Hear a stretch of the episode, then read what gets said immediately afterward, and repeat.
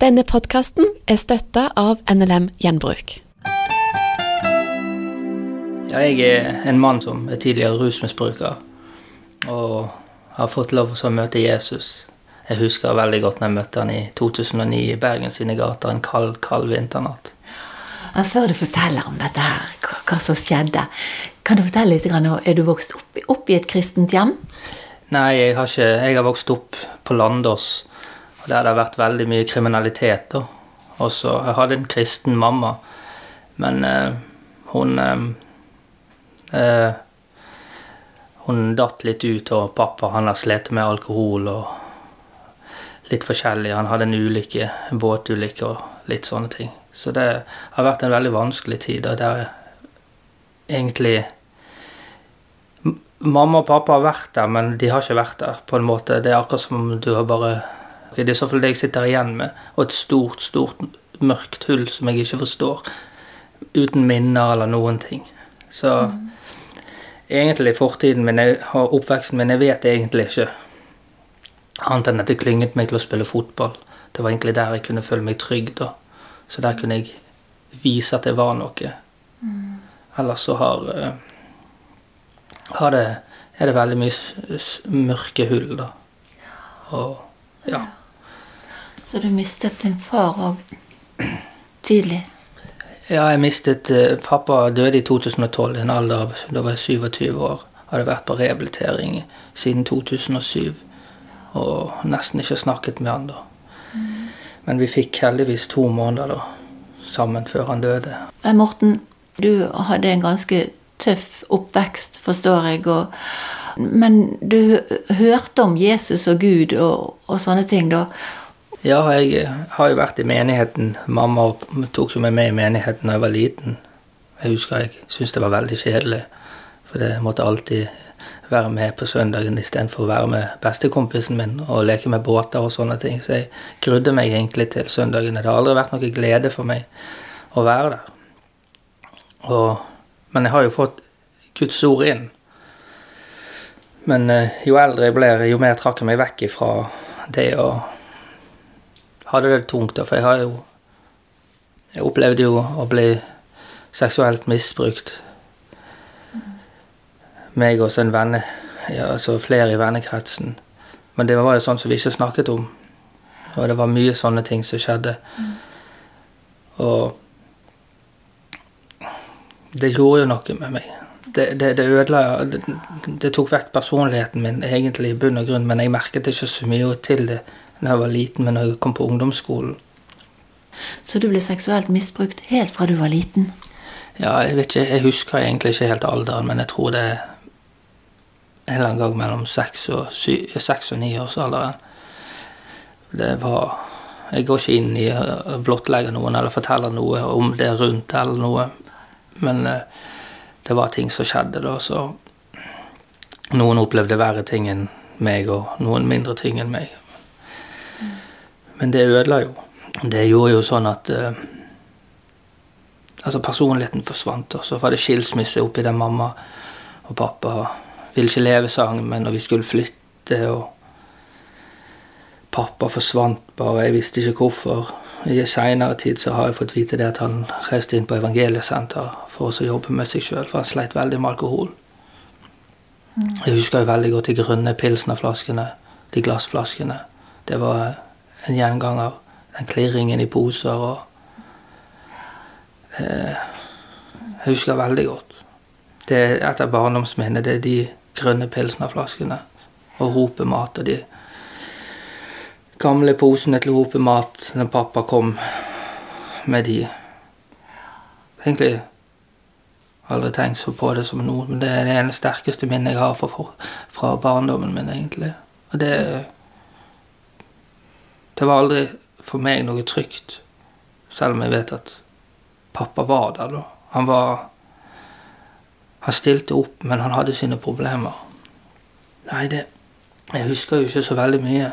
Det er det som er så vanskelig å fortelle om barndommen, for det er det som Altså, det er et sånt mørke Det er et sånt Akkurat som jeg ikke skal huske det. Mortens liv hadde altså tidligere bestått av mye rus og fortvilelse. Men en iskald vinternatt så grep dødsangsten han ute på gaten, og Morten ropte på Gud om hjelp. Da husker jeg at jeg sa hvis jeg har hørt alt det som jeg har hørt om deg, hvis det stemmer, bare vis om det stemmer. Er Jeg vil, ja. jeg vil bare komme hjem og ikke dø i natt. Du vil ikke dø. Ja. Og da sier jeg eh, Så plutselig blir det som sommer rundt meg, og så går jeg hjem. På 15 minutter eller noe. Og da hadde jeg vært innom en butikk og kjøpt litt vann. Når jeg kom hjem, så kan jeg ikke huske at jeg var ruset. Og dagen etterpå så smilte jeg fra øre til øre. Men jeg gjorde én feil.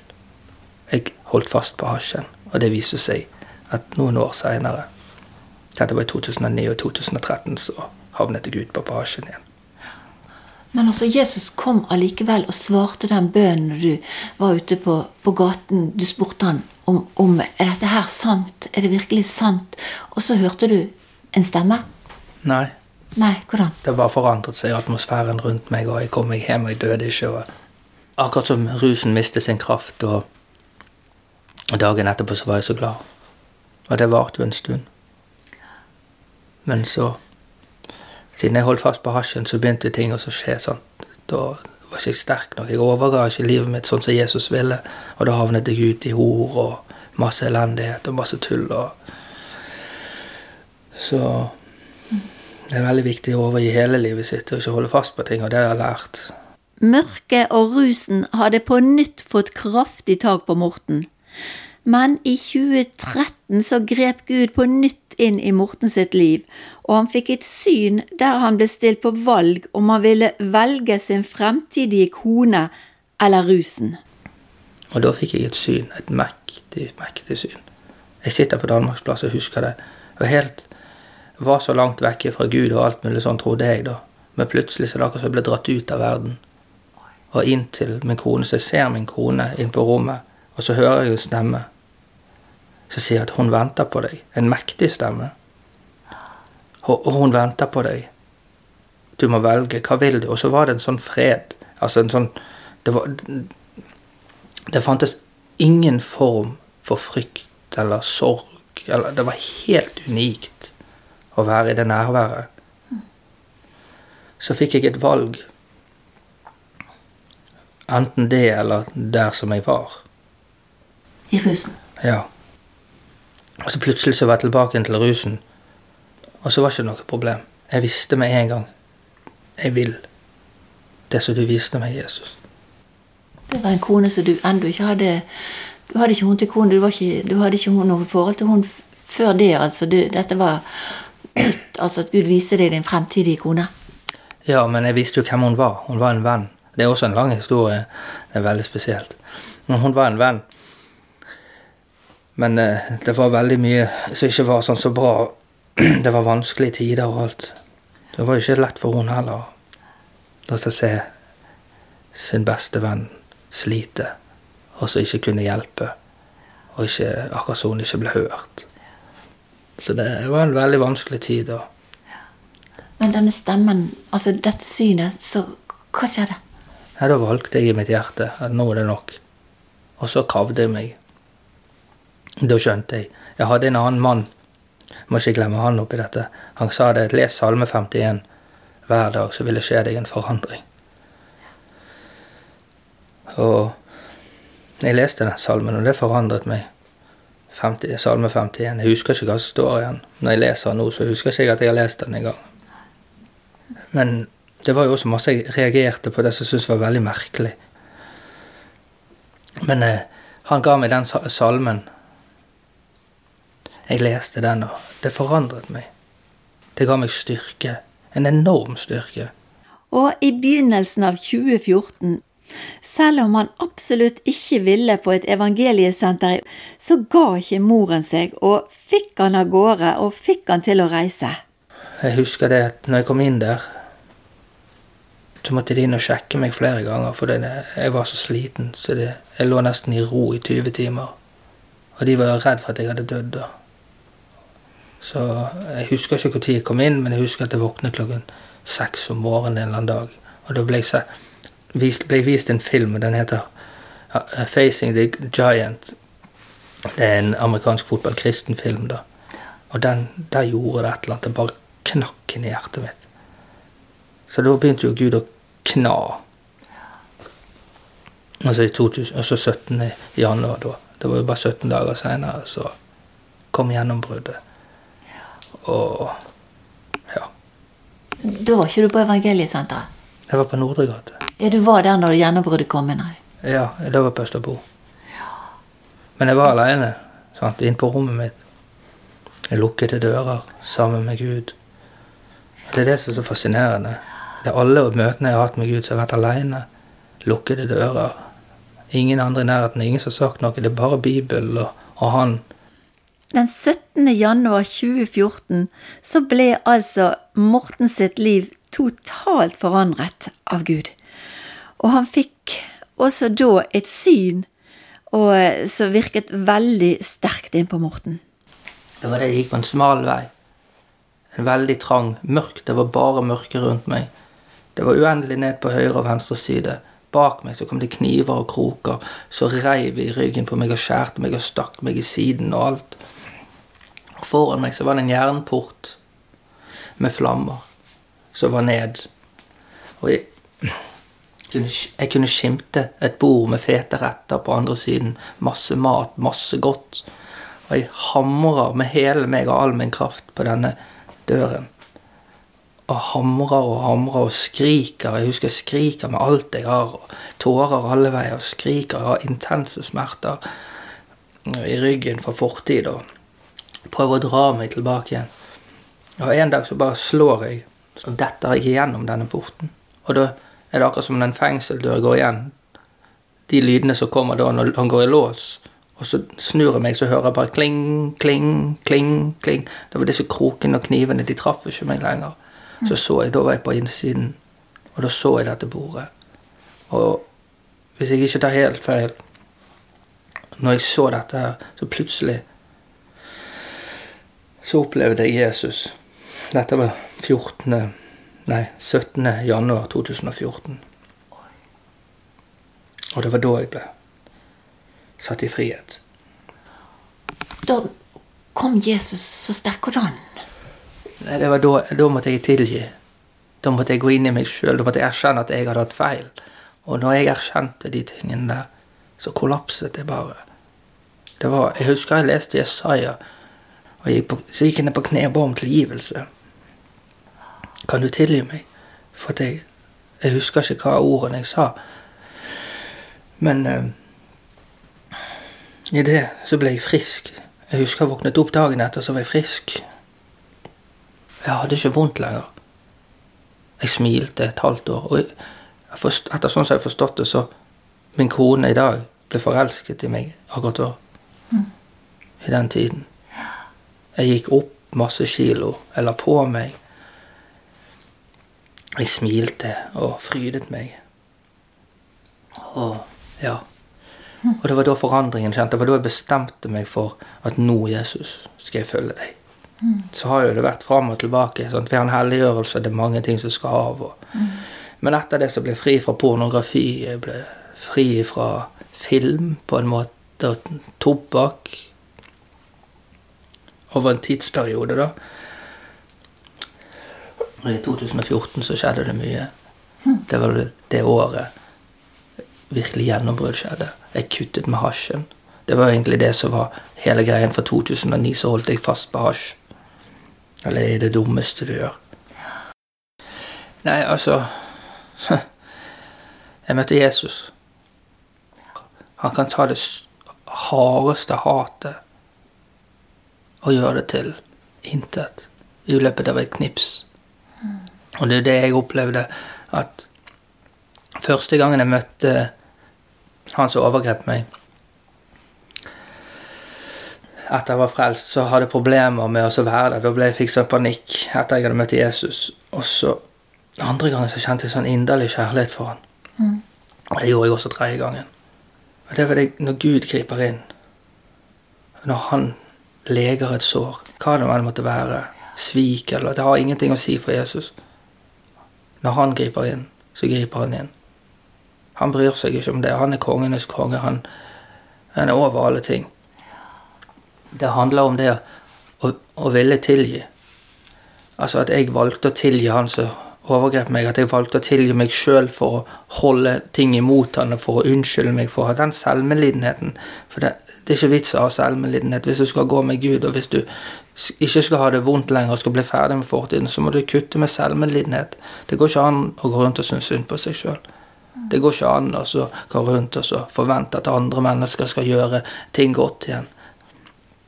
Uansett hva det er for noe, uansett hvor vondt det er, uansett hvor vanskelig det er, så må man bare tilgi, og det er det jeg har vært nødt til å gjøre. Jeg har vært nødt til å tilgi alle de som har gjort meg vondt, men først og fremst tilgi meg sjøl som har holdt noe imot de som har gjort meg noe vondt. Jeg har rettferdiggjort hatet mitt med at jeg har hatt rettigheter. I menneskers øyne så har du kanskje rettigheter til å være sur, sint, bitter og alt mulig sånn, men i Guds øyne så har du ikke rettigheter til det. Du har rettigheter til én ting. Hvis du vil at Gud skal være med på lag med deg, så må du tilgi. Det er ikke enkelt. Nei, det er ikke enkelt, men ikke første gangen, ikke andre gangen, men når du ser Guds kraft gjennom det, så er det ikke så vanskelig å tilgi. Det kan gjøre vondt, og det kan være vanskelig enkelte ganger fordi du er midt oppe i prosessen. Og du har egentlig ikke lyst for det. Men det går jo en strid mot skjødet og mot hva Gud forteller. Du skal fornekte deg sjøl, ta opp ditt kors. Du skal elske din neste som deg sjøl. Så i mine øyne så har ikke du tid. Du kan ikke ha noe imot andre. Jesus sier jo det at kom til meg, alle dere som strever og har tungt å bære, og jeg skal gi dere hvile. Og da, hvis du har det tungt og vanskelig med å tilgi, så si til Jesus da, hjelp meg, Jesus. Jeg klarer ikke dette, men jeg vet at det er rett. Og da kommer Jesus, for det han har lovet det. Det er det som holder meg oppe. Jeg hadde ikke klart en eneste dag uten Jesus, ikke en eneste dag uten Bibelen. Og selv de gangene jeg ikke klarer å lese Bibelen, ikke orker fordi jeg, ikke, fordi jeg er så trøtt og sliten, så bærer han meg igjennom. Og han jobber. Sant? Det er helliggjørelsen. Mm. Han jobber og jobber på spreng. Og han vet hva som er rett og galt. Han vet hva som er viktig og ikke viktig. Men det ene og alene bare Jesus. Det er ingenting annet. Jeg hadde ikke klart hverdagen hadde ikke vært for Jesus. Jeg hadde ikke klart å lese Bibelen hadde ikke vært for Jesus. Jeg hadde ikke klart å skrive en tekst hadde ikke vært for Jesus. Jeg, jeg, jeg hørte en gang det at jeg har det var en som sa til meg det at jeg har aldri sett noe som har prøvd så mange ganger å mislykkes, Morten. For jeg har prøvd. Jeg har villet. Sluttet tidligere? Jeg har rus. rus og prøvd å få utdanning og alt. Men jeg har aldri fått det til. Og hvorfor, det vet jeg ikke. Og det er liksom det som holder meg. Og det er det Gud svarer. Det er de bibelversene som går igjen i livet mitt. Stol på meg. Ha din tillit til meg. Jeg taler til deg sånn For jeg har spurt Gud, kan ikke du tale til meg sånn at jeg forstår deg? Og det har han gjort. Hmm. Og det har holdt nå i mange år, Morten. Du fikk virkelig en kjempeforandring i livet ditt. Gud grep inn mektig. Og du har fått du har hatt arbeid i mange år, og du har fått en kone, du har fått tre barn. og Livet er blitt eh, totalt annerledes. Ja, det, er fantastisk. Det er Guds nåde. Altså Når Gud bestemmer seg for noe, så blir det sånn uansett. Han virker i oss til å ville hans gode vilje, og han drar oss til seg med sin enorme kjærlighet. Og Nei. Hvis du skal se på de 29 årene før, og se på de, de fem årene som har vært, så Altså, det jeg vet ikke hvordan jeg skal forklare det, jeg vet ikke hvordan jeg skal beskrive det, for det går egentlig ikke an. Det er, det er så uvirkelig selv for meg. Jeg skjønner ikke hvordan det er mulig. Jeg forstår ikke hvordan Gud egentlig gadd å ta seg tid. Hans kjærlighet for alle mennesker, uansett hvor vondt du er, uansett hvor mye galt du har gjort, uansett hvor stygg du har vært med andre mennesker, uansett, så har det ingenting å si. For han gjorde det for alle. Han gjorde det for meg. Er boden eller klesskapet ditt blitt fullt med ting som ikke er i bruk? Gjennom NLM Gjenbruk kan din kjole eller dress bli til rent vann for mennesker i Afrika, eller til nye skolebøker for unge i Sør-Amerika. Våre gjenbruksbutikker tar imot det meste, men husk at det du leverer er rent, helt og pent. Vi er behjelpelige med henting, og kan også ta imot dødsbo. Finn din nærmeste butikk på nlmgjenbruk.no. Velkommen til oss. Du har hørt en podkast fra Petro. Du finner masse mer i vårt podkastarkiv på petro.no.